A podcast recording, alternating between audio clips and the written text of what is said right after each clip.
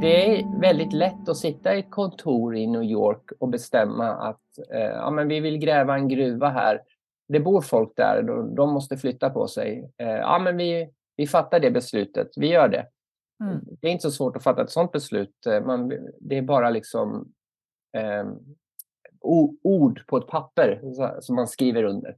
Men om man har träffat människorna eh, och sen ska fatta ett beslut om att förstöra deras liv, då blir det mycket svårare. Hej och välkommen till avsnitt 102 av Klimatpodden med mig Ragnhild Larsson. Här får du möta forskare, lärare, aktivister, författare, journalister, psykologer, ingenjörer, omställare och alla andra som på en mängd olika sätt engagerar sig för att mildra de allra värsta effekterna av klimatkrisen. Dagens gäst är Alex Bräcke, generalsekreterare på Amazon Watch i Sverige. Amazon Watch är en ideell organisation som arbetar för att skydda regnskogar och främja rättigheterna för ursprungsbefolkningar i Amazonas i Sydamerika. Organisationen grundades 1996 och har sedan dess samarbetat med ursprungsbefolkningar i Amazonas för att skydda deras territorier, kulturer och traditionella levnadssätt. Nästan 400 olika grupper urfolk är beroende av Amazonas regnskog för sin fysiska och kulturella överlevnad. Amazonas Watch arbetar också för att uppmärksamma och bekämpa de negativa effekterna av avskogning och oljeutvinning i Amazonas.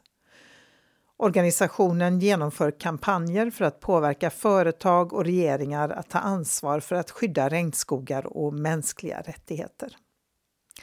Jag träffade Alex på Zoom den 24 mars för att prata mer om vad Amazon Watch gör, hur urfolkens kamp i Amazonas för mänskliga rättigheter kan bevara den biologiska mångfalden och vad vi i Sverige kan göra för att stötta deras kamp och om kampanjen för att stoppa handelsavtalet mellan EU och Mercosur och hur detta frihandelsavtal påverkar urfolken. Som du säkert känner till är Klimatpodden helt reklamfri och om du vill stötta arbetet med att göra den så går det väldigt bra att sätta in en valfri summa, stor eller liten, på Klimatpoddens eget swishkonto 123 396 2974. Och ett stort varmt tack till alla er som har valt att stötta Klimatpodden sen sist. Ett annat riktigt bra sätt att stötta Klimatpodden är förstås att tipsa släkt och vänner och bekanta och alla andra att lyssna. Och kom ihåg att du gärna får höra av dig med synpunkter och förslag på gäster i kommande avsnitt. Men nu är det dags att köra igång dagens avsnitt med Alex Bräcke. Varsågoda! Välkommen till Klimatpodden Alex Bräcke. Hey, tack så mycket! Kul att vara här. Ja, kul att du är med. Eh, vem är du? Jag är generalsekreterare för en organisation som heter Amazon Watch Sverige och vi jobbar ju med att stödja urfolken i Amazonas. Ja, och hur blev du engagerad i, eh, i urfolken i Amazonas? Nej, men jag har eh, alltid rest eh, mycket till regnskogsområden och jag fastnade för Amazonas och varit där många gånger. Och det var under en sån resa som jag kom i kontakt med, med Amazon Watch faktiskt. Och så gick det den vägen. Så började vi arbeta med det här i Sverige. Mm. Och hur länge har du varit engagerad i Amazon Watch? Eh, sen eh, 2014. Och Amazon Watch är en, eh, alltså det är en internationell organisation, eller hur? Ja, precis. Eh, huvudkontoret är i Kalifornien. Eh, så för eh, åtta år sedan så startade vi upp då den svenska avdelningen. Och syftet här är ju att för det är en väldigt liten organisation och det är ett väldigt nischat ämne just urfolk och Amazonas. Så eh, det behövs ju alltid mycket resurser för eh, de krafter Amazonas jobbar mot är ju eh, miljard, triljon dollars företag så att eh, det behövs alltid resurser. Så då startade vi upp i Sverige, eh, främst för att samla in mer pengar till det internationella arbetet. Men också under åren när vi har varit här i Sverige så har det upptäckts att det var mycket påverkan och arbete som kunde göras här hemma samtidigt.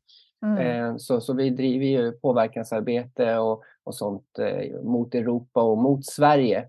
Eh, och, eh, men de största delarna av resurserna går ju till det internationella arbetet som vi samlar in. Ja, och du urfolken i Amazonas, vad är det de vill?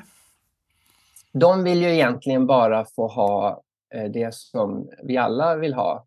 Jag brukar, för, när jag ska förklara för folk som inte är insatta, så brukar jag säga att jag bor ju i ett hus här och ingen har rätt att komma in i mitt hus och eh, gräva ett hål i golvet eller slänga sina sopor i, i mitt kök.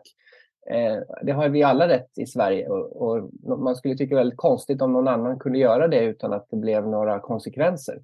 Mm. Eh, och regnskogen är ju urfolkens eh, hem.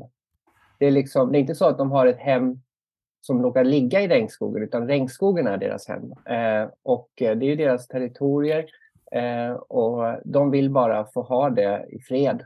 Eh, och skulle man se till att de får det då skulle ju regnskogen bli helt skyddad. För det finns ju ingen vettig människa som, som eh, förstör sitt eget hem. Nej. Och varför får de inte ha sitt hem i fred då? Nej, men det är ju eh, en, en rent krasst, det är en guldgruva. Det finns ju eh, olja, det finns ju mineraler, Eh, framförallt så finns det ju stora landområden eh, som krävs när man ska odla saker. Eh, så att det, det, är ju, det går att tjäna ofantliga mängder pengar om man, om man exploaterar Amazonas. Eh, och det här har ju varit ett problem historiskt till och med. Från början så var det ju när man kom dit när man, eh, från Europa så var det ju eh, främst att man kanske hittade guld eller slavar eller så, så småningom eh, gummi. Eh, och sen har det hållit på så där. Det, det, enda som händ, det enda som ändras historiskt, det är vad det är för typ av produkt. Eh, så nu är det liksom olja och, och, boskapsfält och odla soja. Eh, Medan för länge sedan så var det gummi och slavar och andra saker. Så det är samma, samma problem. Eh, skillnaden dock nu är ju att det kan ske i mycket snabbare och större skala än vad det kunde göra för hundratals år sedan. Då det inte kunde gå lika fort som det gör idag med modern, moderna maskiner och sånt där. Nej. Och hur skulle du säga, hur ser situationen ut för Amazonas och urfolken eh, just nu? Eh, ja, det, det, positiva som vi har märkt är ju att eh, man hör ju mycket mer om urfolk. Eh, inte bara för att vi pratar om det, men vi har märkt att andra organisationer och andra eh, institutioner och företag och aktivister. Eh, jag kommer ihåg när eh, Greta, det tog ett tag, men till slut började även Greta nämna urfolken. Mm. Så, att man, man har ju märkt att det har ju blivit eh, ett mer, större medvetande. Och det är ju tack vare eh, det här arbetet att försöka lyfta fram urfolkens röster. Eh, och det är det som vi jobbar med, att vi försöker få dem att höras. Eh, och, eh, eh, så det är positivt. Eh, det negativa är ju att det är ingenting som har riktigt stannat upp.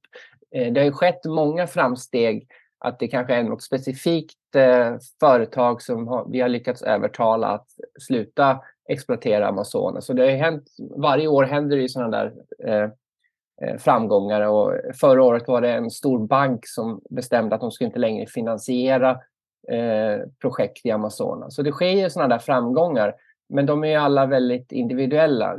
Eh, liksom, eh, totalt så är det fortfarande ett, ett stort problem. Mm. Så det är som att man eh, plockar bort ett problem i taget, men det är liksom tusentals problem. Så att, och vi hinner inte plocka bort problemen eh, eh, så fort som det skulle behövas för att kunna stoppa eh, den här eh, kedjereaktionen som sker.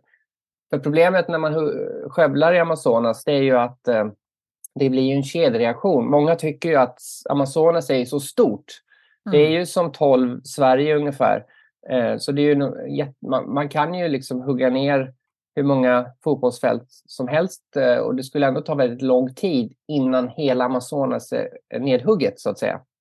Men problemet är ju det att det är inte så att man behöver inte hugga ner hela Amazonas för att det ska gå förlorat, utan eh, eh, det blir en kedjereaktion som gör att när, man når en viss punkt så kommer Amazonas att liksom på ett sätt förgöra sig själv. Det blir som en kedjereaktion som skapar mer, det blir tork, mer torka, det blir mer bränder och det blir liksom en, en, en öken så småningom om man inte skulle liksom sluta.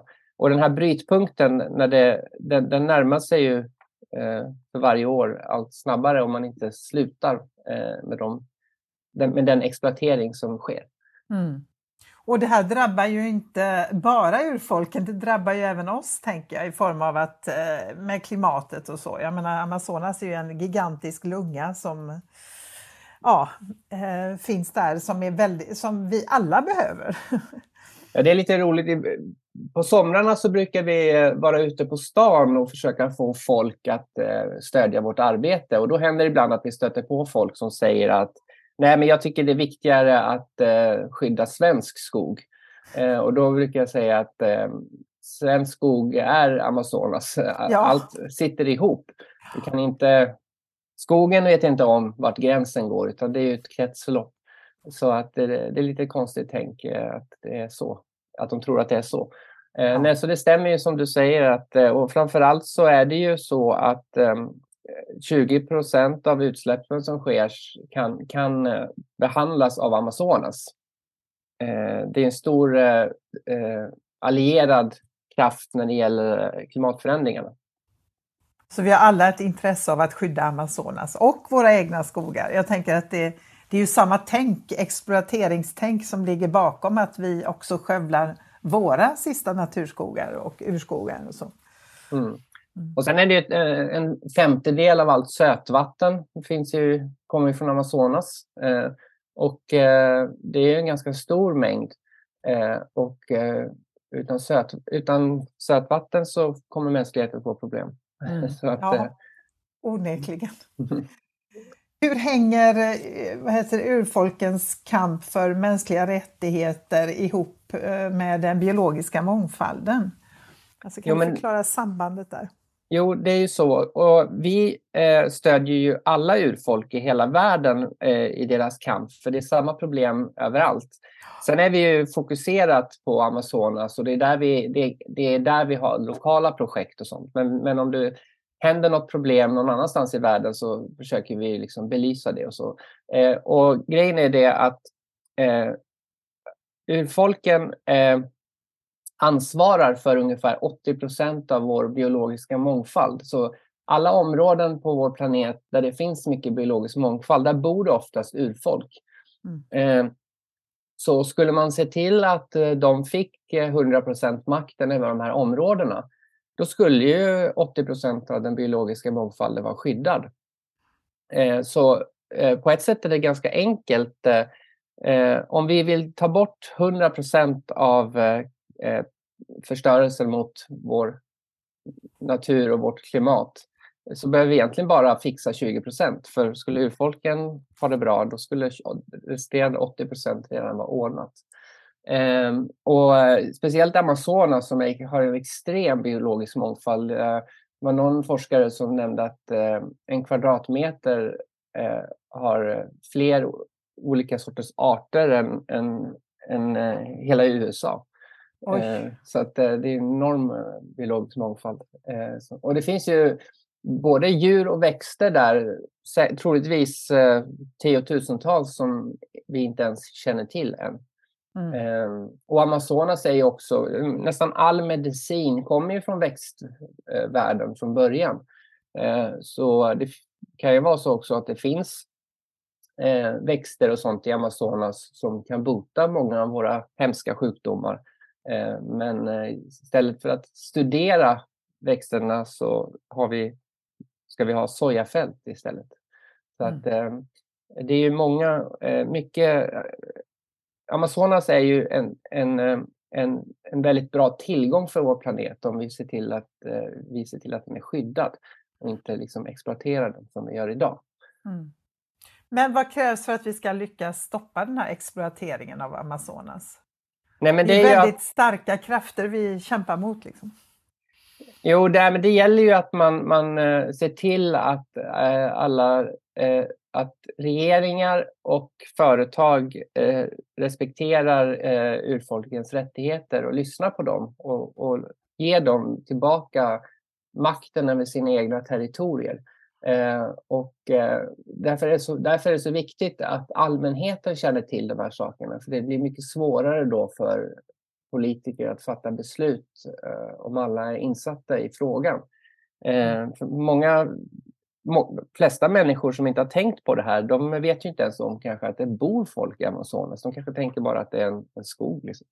Mm. Eh, så så eh, det är ju någonting som nu kanske Eh, eh, Eh, eh, de flesta som är intresserade av miljöfrågor, de kanske känner till det. Men jag pratar om vanliga människor som kanske inte tänkt, tänkt så mycket. Och det märker vi när vi är ute och pratar med folk på stan, att de, de blir ibland förvånade. Ja, just det, för finns det folk som bor där? Eh, och eh, det är ju ungefär, man tror att det är ungefär en och en halv miljon människor. Eh, så det är inte jättemånga eh, med tanke på hur stor ytan är. Men eh, de ansvarar ju för eh, väldigt stora områden och har gjort det i, eh, det vet man inte heller riktigt, men i väldigt, väldigt lång tid mm. historiskt. Så mm. att, och det är ju samma i Sverige med samerna och så, samma problem eh, som det är i Amazonas. Det är bara det att i Sverige så har problemet gått längre. På vilket sätt har det gått längre här? Nej, men eh, här, är det ju, här har ju liksom eh, koloniseringen, liksom, eh, den är liksom komplett. De, man har gått hela vägen. Liksom, så, att, eh, eh, eh så det har gått längre. I Amazonas finns det ju fortfarande områden och urfolk som liksom fortfarande inte har blivit påverkade. så det har inte gått lika långt. Tyvärr. Mm. Eller det är bra att det inte gått långt, men ja. det är tyvärr, tyvärr, att det har blivit så i Sverige. Eh, så att, eh, eh här försöker man istället eh, här jobbar man ju för att försöka få tillbaka det som har förlorats.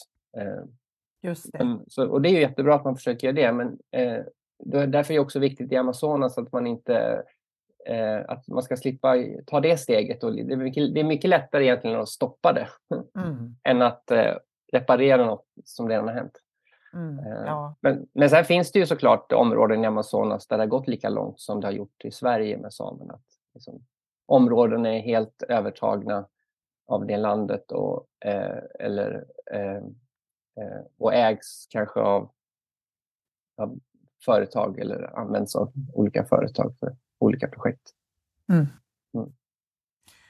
Eh, alltså vad du, du, har ju varit inne lite på det, men vad gör ni då i Amazon Watch för att eh, hejda den här exploateringen? Är det, är det liksom, eh, du säger ni samlar in pengar till exempel, hur används de? Och vad, vad jo, vad så att eh, eh, vi jobbar ju för urfolken, så vi har ju inga egna idéer, utan alla våra idéer är ju urfolkslösningar, så de säger ju till oss vad de tycker eh, svaret ska vara på de olika problemen som finns. Mm. Eh, och så eh, arbetar vi då med att eh, försöka påverka företag och regeringar och eh, eh, allmänheten så att de ska vara insatta i det. Och sen eh, så arbetar vi då med urfolken och försöker få dem att komma till tals.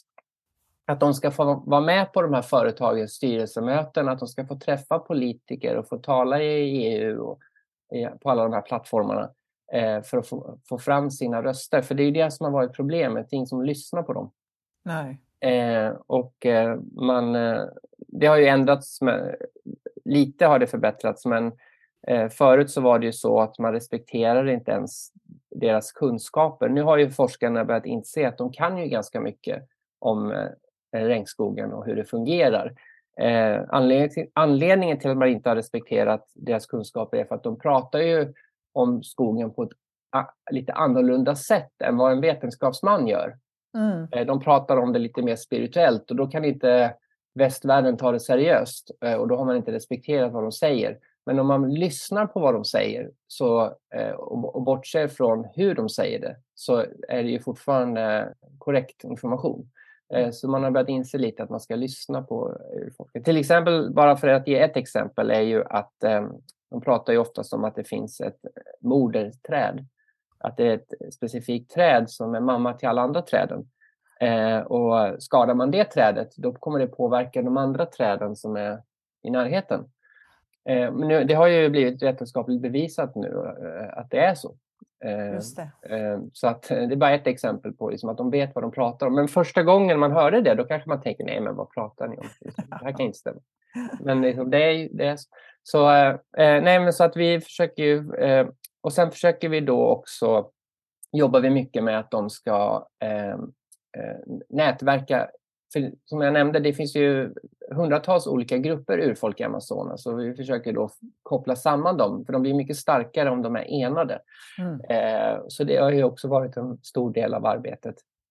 Eh, och sen också behövs det ju, eh, eh man kan inte bara eh, klaga på att det finns problem. Man måste också ha bevis. Eh, mycket lättare att påverka politiker och sånt om det finns underlag. Så det sker också mycket att man måste liksom samla in bevis eh, vad som sker eh, och, eh, och hur mycket som har förstörts och sånt där. Så, och det behövs ju verktyg till det. Eh, sen ser vi också till att de har tillgång till eh, eh, de lever ju fortfarande i den moderna världen så att de måste ha tillgång till internet och telefoner och sånt här för att kunna ha kontakt med omvärlden. Och det har också varit väldigt bra, väldigt bra verktyg. För det är mycket svårare nu att begå brott Eh, för det, det, det, kan filmas direkt. Just eh, det. Så att eh, det kan vara att de behöver solceller och sånt där just för att kunna eh, ladda de här eh, verktygen. Och, så. Eh, och sen så äger vi, i de här värsta företagen så äger vi en, en aktie i, i de flesta. Mm. Vi blir, måste, de blir tvingas ju att bjuda in oss till deras möten och sånt. Så att vi är aktieägare, så det är också en väldigt bra sätt att, eh, att eh, få kontakt eh, och kunna göra vår röst hörd. För kan man påverka de andra aktieägarna så ställer de krav på, på styrelsen. Då. Så det är också en bra metod. Och vi har faktiskt märkt att den bästa metoden har varit just att företagen får träffa och lära känna de här urfolken Eh, det är väldigt lätt att sitta i ett kontor i New York och bestämma att eh, ja, men vi vill gräva en gruva här. Det bor folk där, de måste flytta på sig. Eh, ja, men vi, vi fattar det beslutet, vi gör det. Mm. Det är inte så svårt att fatta ett sådant beslut. Man, det är bara liksom eh, ord på ett papper som man skriver under. Men om man har träffat människorna eh, och sen ska fatta ett beslut om att förstöra deras liv, då blir det mycket svårare.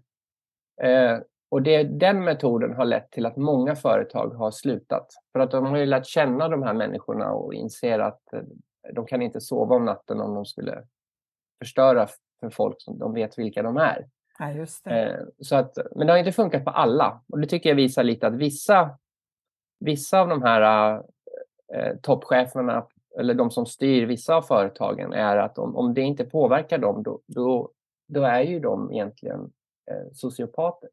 Ja. ja. Så att eh, då går det inte riktigt att påverka dem den vägen och då måste man gå den eh, andra vägen genom att liksom det, det ska vara olagligt, att de ska skyddas lagligt, att man får inte eh, ta, göra något på, någon, på deras territorier enligt lag.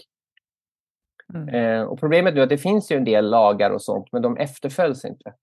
Eh, så det är också något som måste, eh, man måste kämpa med man ska följa de direktiv som finns och mm. kanske till och med att det borde vara konsekvenser, för det är också Just ett det. problem. Just det. finns inga konsekvenser. Och så. Att, eh, om jag går ut och slår en person på stan, då, då kommer jag få konsekvenser. Men om jag skulle äga ett företag som skövlar eh, en, ett område stort som Skåne, då händer ingenting. Nej, Nej men det är eh, ett jätteproblem tänker jag med mycket sån eh, lagstiftning eller direktiv eller jag menar med, om man inte till exempel uppfyller klimatmålen eller ja, här i Sverige så händer ju ingenting. Alltså det är bara det, det, så utan konsekvenser är det ju svårt såklart. Eh, nej, men jag har hört många urfolk ha använt ord som mördare och våldtäkt eh, när de pratar om eh, det de har varit med om. Eh, och då menar de inte det de har varit med om själva utan att det är, de, det är skogen som har mördats och våldtagits. Så det, man, jag har hört att de har använt de här orden. Eh, så det är väldigt allvarligt. Och de ser ju skogen som en levande varelse eh, ett med, som är medveten. Eh, och de, eh, har, det har ju skett ansträngningar om att man ska försöka få Amazonas att bli klassificerad som, som, som en levande varelse, vilket gör att då hamnar de under andra lagar och regler. Så då blir det mer en våldshandling om man gör något mot Amazonas. Och då, då är det ju mer straff. Mm. Eh, så att eh, det är vanligt att urfolk, eh, vissa växter och, och, och, träd och sånt, att de, eh, deras namn för det är ju, eller de kallar det för bror och syster och det är en del av deras liksom, familj.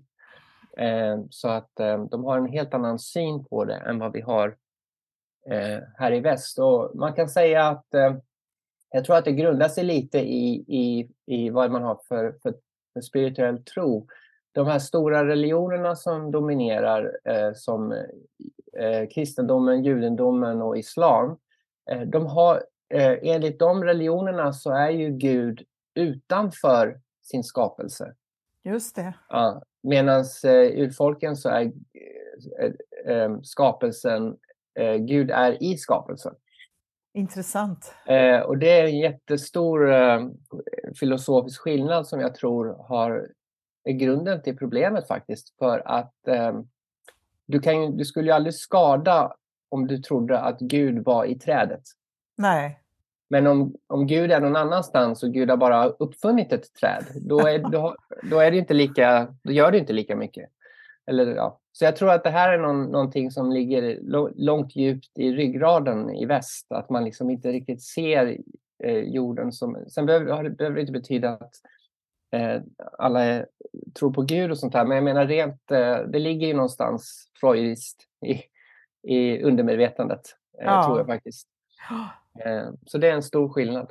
Ja, Nej, men det kan man verkligen föreställa sig hur allt det här, ja men även om du säger som man inte är religiös så bär vi ju med oss det här arvet så att säga och synen på oss som särskilda från naturen på något sätt och att vi är skapelsens krona och att vi har rätt på något sätt att exploatera. Det är precis som att allt det här finns där för oss.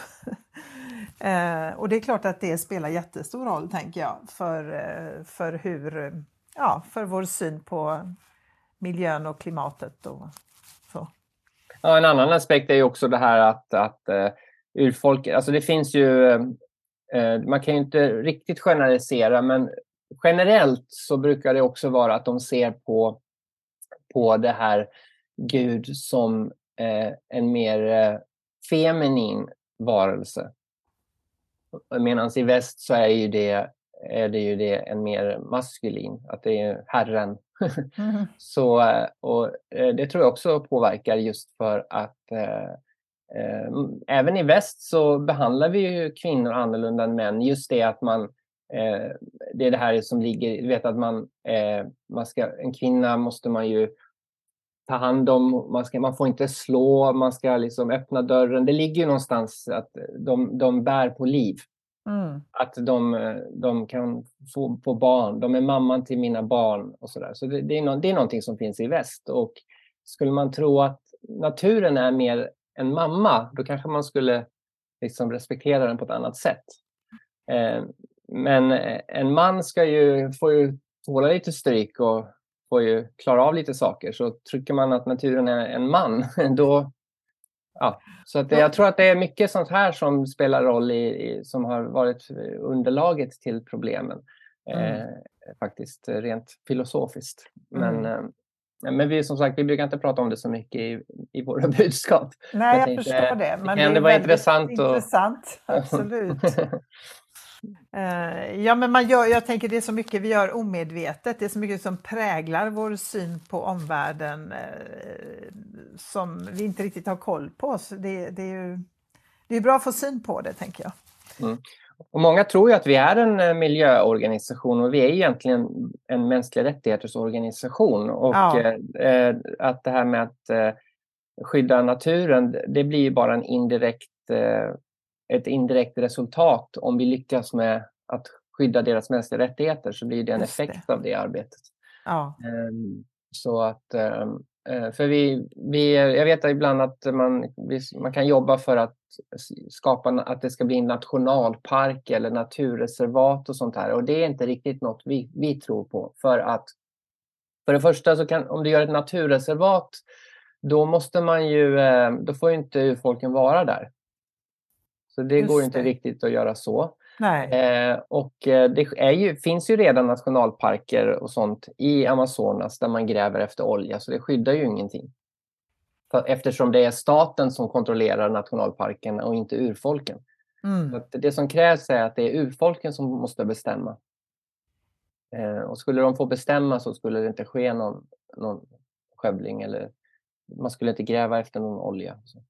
Och det är inte så att vi behöver oljan som finns i Amazonas. Den är ju värd eh, vet, triljoner, triljoner i pengar, är den ju värd väldigt mycket.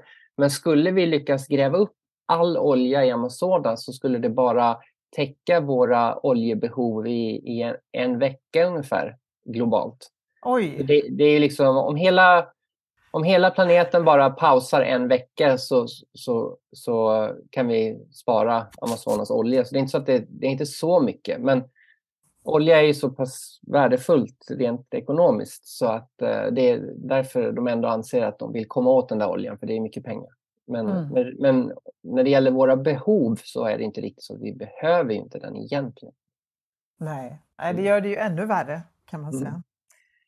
Eh, du, ni, just nu så fokuserar ni ju på, har en kampanj som handlar om handelsavtalet mellan EU och Mercosur. Eh, ja. Kan du berätta lite grann om det? Vad är det för eh, handelsavtal? Jo, vi har, driver ju en, ett projekt just för att få folk att förstå lite mer om det här handelsavtalet.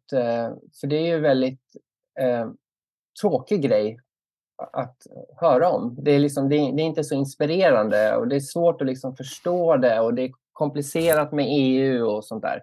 Eh, och det här är ju också lite av en nackdel när det gäller vissa problem som hotar Amazonas. Det är att liksom, det är eh, mycket lättare att förklara att nu ska de skövla eh, för att bygga en, en, motorväg. Det kan folk lätt förstå, men när det gäller handelsavtal så eh, är det lite svårt. Så vi försöker driva en informationskampanj för att förklara det lite enkelt så att folk ska fatta.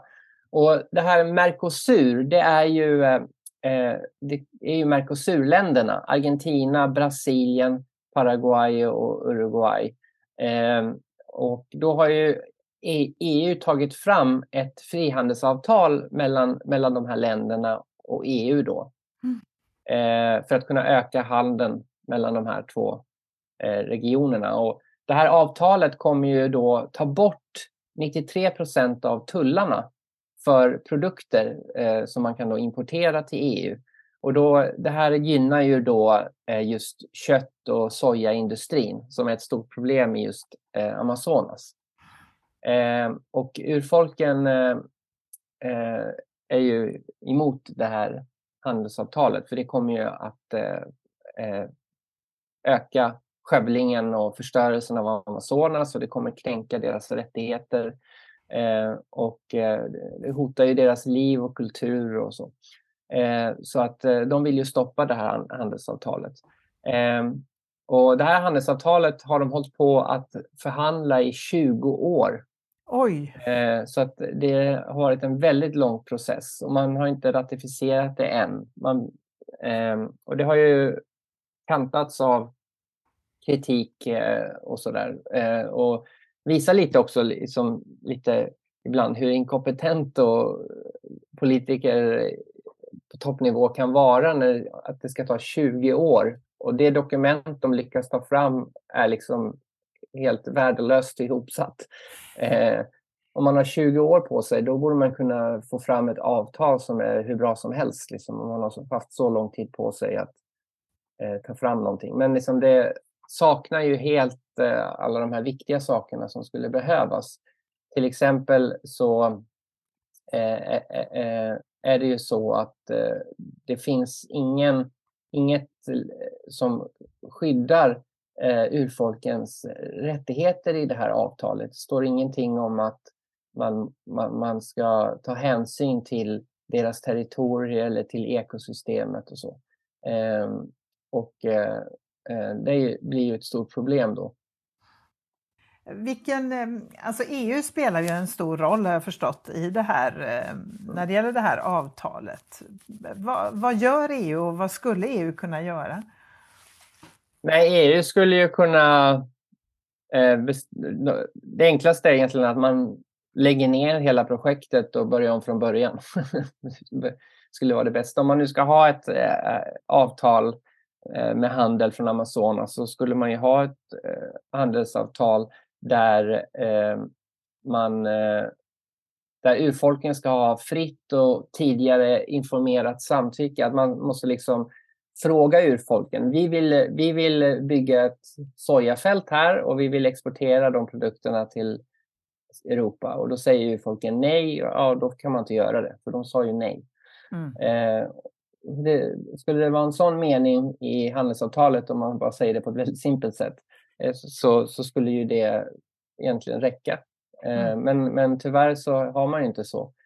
Utan eh, det är ju bara att man, som det står nu, liksom, att man informerar om vad som kommer hända men det, man, man ska inte liksom lyssna på vad urfolken säger. Och det, det eh, finns inte ens ett avsnitt i avtalet som rör mänskliga rättigheter.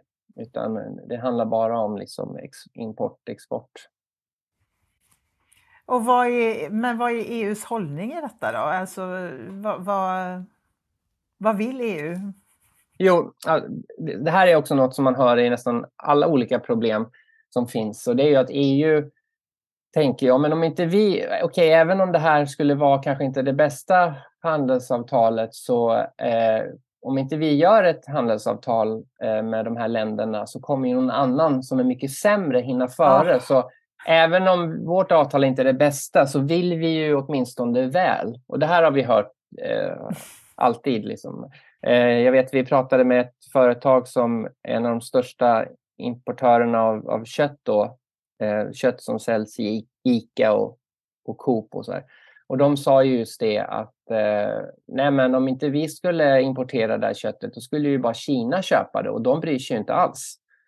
Eh, och, så, eh, och då är det, liksom, det enkla svaret är jo, men, eh, eh, men då, blir, då blir det ju Kina vi får prata med. Men alltså, vi, förstår, vi förstår inte riktigt vilket konstigt tänk. Det är som att eh, man, eh, om man rånar en butik, så här, ja men jag rånar er men... Jag gör jag, det på ett bättre sätt. Ja, ja, Jag brukar säga där, var, var, var, inte Hitler eh, vegetarian? Liksom? vad, vad spelar det för roll? Liksom? Eh, han ville väl, han var vegetarian. ja. Nej, men, men det där resonemanget går ju igen eh, på väldigt många håll. Eh, jag kommer ihåg Primraff, Stoppa Primraff-kampanjen, där var det ju också det. Ja, men om inte Prim i Lysekil får bygga ut, då kommer någon annan att göra det och de gör det mycket sämre i andra länder och de har inte alls det här hållbarhetstänket som vi har. Alltså, ja, det är ett jättekonstigt resonemang. Ja. Men, de, men EU är liksom eh, fast besluten att gå vidare och liksom försöka få det här eh, avtalet att, att gå igenom. Och nu har ju Sverige det här EU-ordförandeskapet och Sveriges handelsminister är också eh, positiv så att säga till det. Och vad gör ni då? Nej, men, Eh, det, det ju, finns ju en stor eh, allians av olika organisationer och aktörer som tillsammans jobbar för att stoppa EU-Mercosur. Om man, om man söker på engelska Stopp EU-Mercosur eller följer den hashtaggen och sånt så kan man, kan man hitta eh, det. Eh, och det finns en urfolksorganisation som heter eh, Eh, APIB. Eh, det är eh, Articulation of Indigenous Peoples of Brazil, de har ju drivit eh, sedan 2019 eh, kampanj för att försöka stoppa det här och har till och med besökt EU och pratat om det här. Eh, så att eh, eh Eh, det, det, det sker genom påverkan, men det är därför vi också har den här informationskampanjen. För vi tänker, folket vet inte riktigt om det här. Det är inte så allmänt känt. Utan eh, eh det finns ingen kunskap och det, det, tror jag är nyckeln i nästan alla de här problemen. Att eh, så, fort, eh, det blir allmän, så fort ett problem blir allmänt känt, så varje person liksom känner till problemet, det är först då det brukar hända saker. Mm. Eh, men eh, när folk inte känner till riktigt ett problem, då, ja, då, då kan de fortsätta bakom stängda dörrar och fatta olika beslut. Mm. Eh, det, ja. mm. Nej, men ser ni det som en viktig att det också ingår i er roll så att säga att lyfta fram problemen, att medvetandegöra människor om problemen? Ja, precis. Eh, det är viktigt. Eh, ehm, och att eh, Eh, man, att vanliga människor allierar sig med urfolken. Eh, för det gynnar ju alla, hela planeten. Och, eh, så att, att de känner till det. Så att när de hör någonting på nyheterna eller läser något i tidningarna, att de tänker tanken då, ja men urfolken som bor där då. Att de liksom är så pass insatta att de, de förstår eh, hela eh, hela konceptet så att säga. Mm. Eh, det hjälper ju väldigt mycket för att eh, politiker eh, säger ju oftast det som, speciellt när det börjar närma sig val, så säger de ju oftast det som de tror ska leda till att de får behålla makten. Mm. Jag tycker jag hörde på nyheterna igår, Moderaterna hade haft någon, något årsmöte eller något möte där de beslutade om eh, hur de ska göra för att eh, vad, vad de ska ha för eh, åsikter för att de ska få fler som ska rösta på dem. Ja. Eh, och då tänkte jag, det är lite baklänges. Verkligen! Det borde ju vara att vi tror på det här och sen spelar det ja. ingen roll om folk vill rösta eller inte på oss, för det är det här vi tror på. Man ska inte göra så här, vad, vad tror ni alla vill rösta på? Det är det vi, vi måste tro på. Det är väldigt baklänges tänk. Liksom. Jättekonstigt. Ja, man, man tänker att man blir politiker för att man har visioner som man vill eh, driva igenom eller mm. liksom en bild av ett bättre samhälle. Mm. Eh, om man bara ska hålla upp fingret i luften eh, och se åt vilket håll vindarna blåser så blir det ju väldigt, väldigt populistiskt och eh, ja, konstigt. Och det är så de begrav, begraver nya, alltså när Miljöpartiet kom så var de har ju de är inte så stora längre och det är ju för att alla partier är ju miljöparti.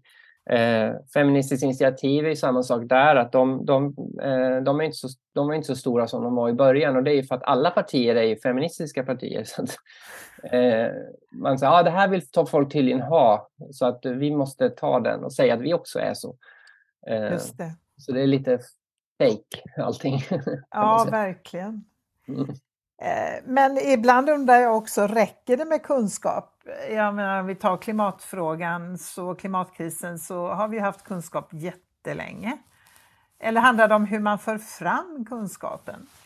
Eh, nej, men eh, nej, det räcker inte kunskap, men det är, först, det är första steget så att säga. Men sen så tror jag också att eh, det är viktigt att eh, människor försöker leva lokalt eh, så mycket som det går.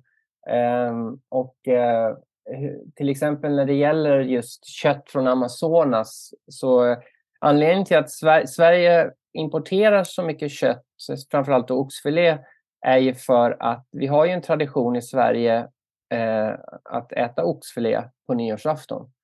Eh, och eh, det är därför vi måste importera så mycket för att oxfilén räcker inte till som finns mer lokalt. Eh. Mm. Och, och, och, jag, vet inte, jag känner inte ens själv till den traditionen. Jag lärde mig det för några år sedan, för jag har aldrig ätit oxfilé på nyårsafton. Men tydligen så är det så populärt att, att det behövs importeras kött för det. Eh, och man kan säkert komma på någon annan tradition.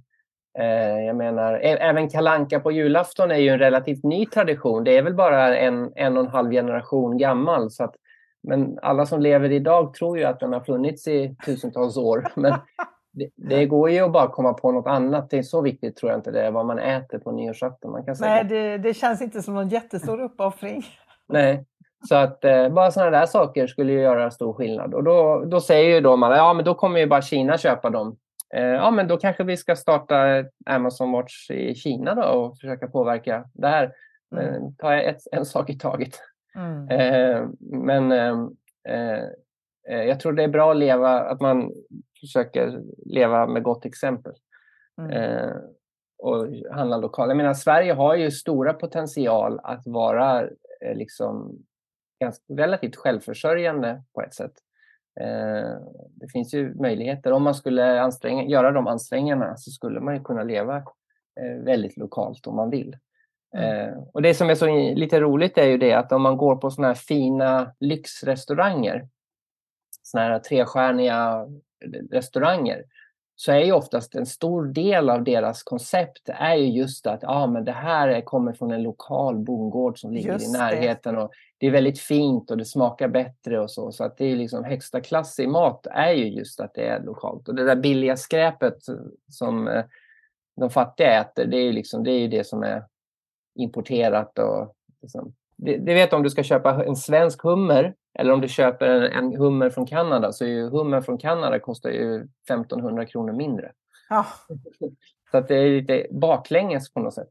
Mm. Eh, det kom, att, det, att det ska bli dyrare att eh, köpa något som är lokalt än det som är på andra sidan jordklotet, det är jättekonstigt.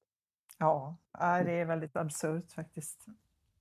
Jag kan bara nämna just med det här handelsavtalet så har ju det fått eh, lite nytt momentum för Brasilien hade ju en väldigt dålig president i många år, Bolsonaro, som eh, gärna ville tjäna så mycket pengar på Amazonas som möjligt och eh, hoten mot urfolken ökade ju markant under hans presidentskap. Men han förlorade ju nu nyligen så det, det kommit en annan president Eh, sen betyder inte det att han är jättebra heller, men eh, han är i alla fall eh, åt rätt håll, om man säger.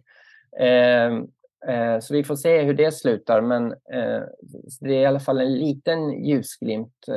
för han har åtminstone sagt att han, den här nya presidenten, att han ändå vill se till att Amazonas skyddas. Sen, får man, sen vet ju man hur politiken var, att de säger mm. saker, och de ska göra det också. Nu, han, han har inte varit president så länge, men åtminstone så har han i alla fall sagt det, så man kan hålla honom till svars för vad han har sagt åtminstone. Eh, till skillnad från Bolsonaro som bara sa liksom att ja, men urfolken borde man ju utrota. Ja. Han var ju väldigt grov, grov i sitt språk. så att det är något ja. positivt i alla fall. Ja.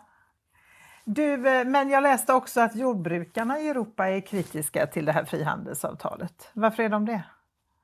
Jo, för att eh, det här lite som vi pratade om innan, att det är billigare att importera än att köpa lokalt. Eh, mm. Så det skulle ju påverka då att priserna dumpas och det. Eh, det. blir svårare då för dem att konkurrera. Och det också blir dyr, det, som, det är också billigare om du använder kemikalier. Ju mer hållbart du odlar så är det dyrare. Så att det gör ju att kanske att man måste då för att kunna konkurrera kanske man eh, måste ha mer ohållbart jordbruk liksom för att det blir billigare och för att man ska kunna hänga med. Mm. Eh, så att precis, så att när vi har de här allianserna vi har med olika aktörer för att försöka stoppa det här handelsavtalet så är ju en del av dem just jordbrukare också i Europa som varnar om det här handelsavtalet. Mm. Men hur påverkas klimatmålen då av det här hur vi handlar med andra länder? Eh, ja, men eh, det eh, påverkas ju en del för att eh, ehm, när, när, man eh, importerar saker från Amazonas så betyder det att Amazonas har skövlas ju. Ehm, så att ja. Eh, det, det är väl egentligen det största problemet. Mm. Och 70 procent av alla all skövlad markyta i Amazonas blir ju betesmarker. Eh, just för att kunna tillverka kött då, men också soja. Mm. Eh, och eh, det är ju en femtedel av, av allt nötkött eh, som, i Europa då, som kommer från Amazonas. Så det är en ganska stor del. och sen är ju det här problemet med att Eh, det är ungefär 10 eh, 000 kilometer mellan Brasilien och Sverige. Eh, och global sjöfart Eh, för det här sker ju oftast med, med, med båtar, den här import-export-grejen. Sådana här containrar, du vet. Mm. Eh, eh, det är ju den eh, sjätte största producenten av växthusgasutsläpp. Eh, så att eh, skulle man bara minska sjö, den globala sjöfarten så skulle ju det vara en stor hjälp när det gäller växtgas, växthusgasutsläppen. Um, för att det sker ju mycket frakt fram och tillbaka som egentligen kanske inte skulle behöva göra det. Mm. Um, och där skulle ju svenska politiker kunna göra det också väldigt... Jag har aldrig, jag har aldrig riktigt förstått varför de inte eh, gör billigt. Bara en enkelt förslag kanske skulle vara att eh, man tar bort momsen eller sänker kostnaderna för lokalt producerade saker så att det blir liksom billigare. Um, jag vet inte om... Um, jag vet när man går i affären och ska handla lokalt producerad eller ekologisk mat så är det ju alltid dyrare. Mm. Det borde ju vara billigare. Verkligen. Uh, så att, eh, och det märker man nu när det varit väldigt dåliga tider med dyra elavtal och inflation och allt sånt här så är det ju folk som normalt brukar ta smällen att köpa lite dyrare för att det, de vill ha mer lokalt producerad mat. Men nu kanske de blir tvungna att ta något annat för det är, jag kollade igår i affären, priserna är ganska, det är ganska stor skillnad. Det är större skillnad nu än vad det var förut på just eh, eh den gröna maten jämfört med den, den importerade. Så den eh, lokalt producerade gröna maten har ökat mer i pris än eh, mot liksom, ja, det som inte är det då, mer konventionellt. Ja, ja, men det, det, är ingen vetenskaplig studie. Det var nej, bara jag som nej. noterade i affären. ja. Jag tyckte att skillnaderna var ofantliga. Liksom. det var 10-15 kronors skillnad på vissa Oj. saker. Och då tyckte jag att det där är ju avgörande. Om det är, en, om det är till exempel något du köper varje vecka så blir det, om man är ensamstående förälder då har du inte råd kanske. Nej. Eh, så att eh, eh, det skulle vara en väldigt enkel lösning att bara eh, sänka momsen för det så skulle det bli genast mycket mer intressant. Mm. Sen tänker de också lite, jag vet vi har haft en hel del dialog med de här matvarubutikerna att de ska inte importera eh, från Amazonas. Eh, eller de, ska inte, de importerar ju inte, förlåt. De ska inte sälja det som har importerats från Amazonas. Eh, och Coop har ju då, Coop som ändå anses vara lite grönare än de andra, Eh, de har ju, har ju, håller ju på nu och kommer ut med ett markeringssystem för sina produkter. Så att, eh, nu vet jag inte riktigt om det är eh, fem eller sex, men om, om alla produkter ska ha en markering, en siffra. Och eh, då eh, är jag osäker på om det är den höga siffran som är bäst, men vi säger att det är det. Om en produkt, om det står fem på den, då betyder det att den är jättehållbar och jättebra. Och om det står ett, då betyder det att den är sämst. Och då frågade jag dem, men om den är sämst, varför säljer ni den? Ja, exakt. så lite så här, eh, ja. Så ibland så tänker man att eh, finns det någon intelligens bakom alla sådana här eh, beslut? Eller det verkar lite som att de eh, inte riktigt tänker hela vägen. Så det tycker jag är lite, lite intressant att, att det är så. Eh, och eh, jag förstår inte riktigt hur de inte kan se helheten på det. Nej. Nej, och de har ju väldigt stor makt att påverka. Mm. Helt enkelt. Eh, du, om man nu vill eh, engagera sig eller tycker att ja, men det här är ju inte klokt, jag vill göra någonting åt det här, vad, vad ska man göra då? Jo, eh, om, eh, när det gäller i alla fall det här handelsavtalet så, så tycker jag att man eh, eh, eh vilket görs alldeles för lite. Det skriv ett brev eller mejla handelsministern och försök påverka.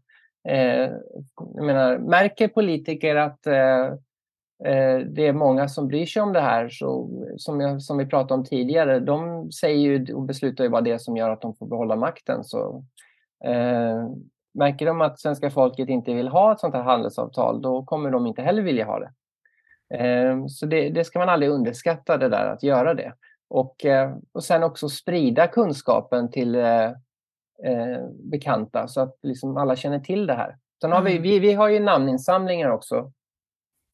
så att om man går in på vår hemsida ja, det står en hashtag när man kommer in där som står stopp EU Mercosur. Klickar man på den så kommer man till namninsamlingen. Eh, och, eh, så det kan jag också eh, tipsa om att man kan göra. Mm. Eh, och även själv om man skriver någonting, lägger upp något i sociala medier, att man hashtaggar stopp EU Mercosur. Mm. Så att det märks att det, det, blir, att det är många människor som står bakom det här. Eh, och sen att man eh, framförallt eh, när man, nu har det precis varit ett val, men nästa gång det är ett val, att man går till valstugorna och frågar varför det partiet man hade tänkt rösta på, vilket det nu är, varför de inte varför de inte ens pratar om de här ämnena. Mm. Det pratas ju nästan aldrig någonting om vad Sverige importerar eller handelsavtal eller urfolks rättigheter eller något sånt här. Det pratas ju aldrig om det riktigt.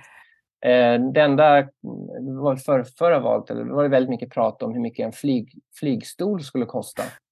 Eh, men eh, jag fick ju veta då att den skulle bli kanske 200 kronor dyrare eller någonting sånt där och då ja. tänkte jag men det kan jag leva med. Mm. Det, är, det, det är inte så farligt, 200 kronor. Nej. Det kommer inte stoppa mig. Så att jag förstår inte riktigt hur de tänkte då. Liksom att det inte det som... Eh, det skulle vara bättre om de hade sagt att vi vill satsa så här många miljarder på att ta fram ett eh, nytt sorts flygbränsle mm. som eh, är, är jättebra för miljön och sånt. Det skulle kunna vara någonting, om det nu ens är möjligt, det vet jag inte, men man försöker komma på en, en sån lösning skulle ju göra en större skillnad än, än att en för du vet de här som flyger ofta, ja. eh, för dem är 200 kronor inte någonting. Nej, nej, nej det stoppar ju ingen, verkligen inte. Det spelar verkligen ingen roll. Det var en väldigt löjlig liksom, eh, eh debatt på det sättet. Eh, och eh, istället för att prata om urfolk och sånt. Och, eh, det kan ju kännas konstigt i Sverige då, men det, vad spelar det för roll vad som sker i Amazonas? Men som vi nämnde innan, där är ju ett, det är ju ett kretslopp Mm. Eh, och sen är det också så att eh, anledningen till att just Sverige kanske inte pratar så mycket om urfolk är för att skulle Sverige sätta ner foten och bestämma att nej men vi måste respektera urfolks rättigheter och vi måste skydda Amazonas och sånt, då kommer ju samerna säga okej okay, vad bra, men då gäller det väl oss också.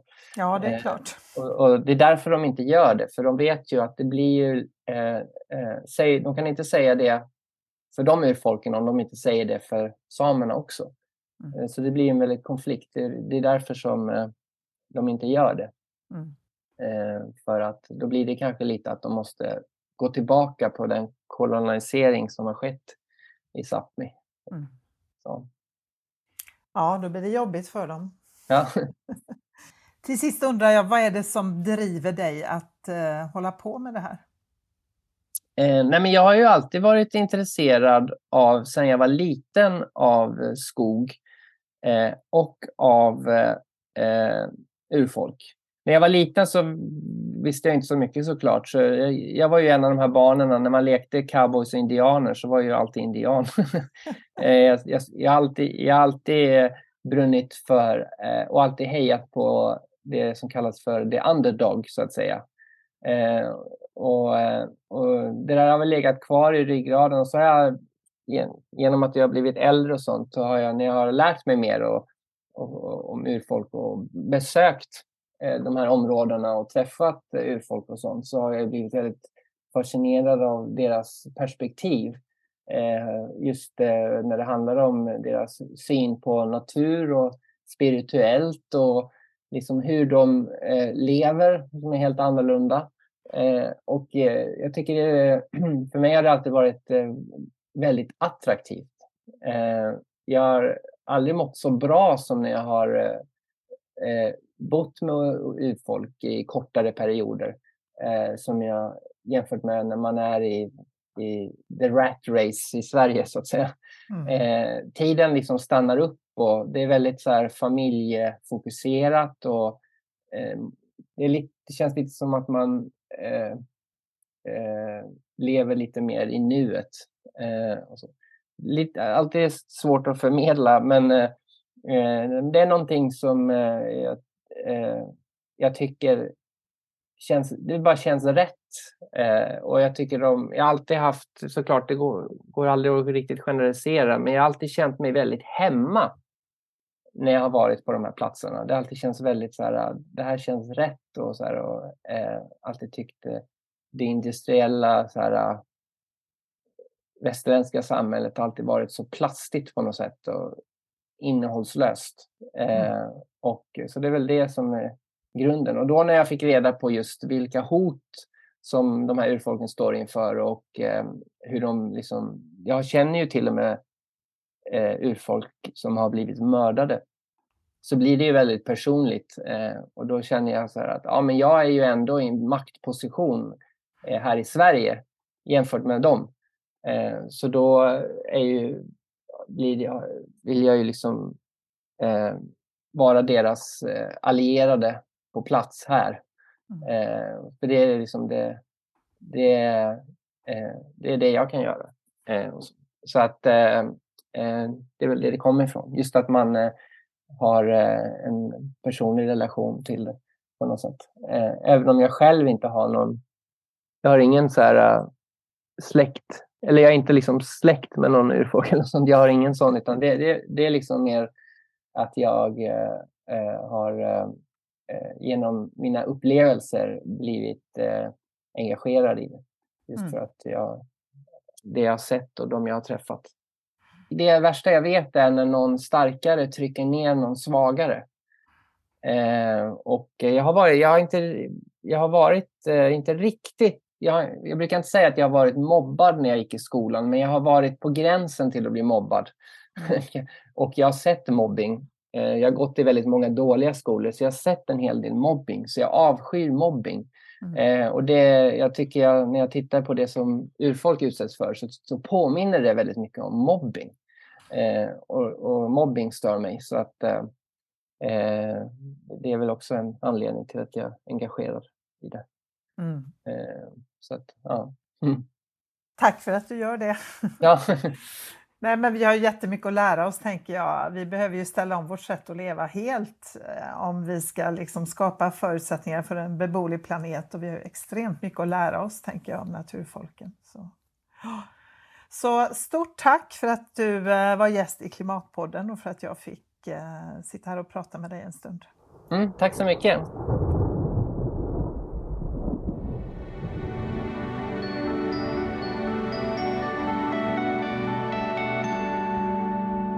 Du har lyssnat på Klimatpodden som produceras av Konvoj Produktion. Gäst i dagens avsnitt var Alex Bräcke. Du hittar mer information om Klimatpodden och dagens avsnitt på hemsidan klimatpodden.se. Klimatpodden finns på alla ställen där poddar finns och du kan följa podden på Twitter och Facebook. Om du vill stötta arbetet med podden är du varmt välkommen att swisha valfri summa till 123 396 2974.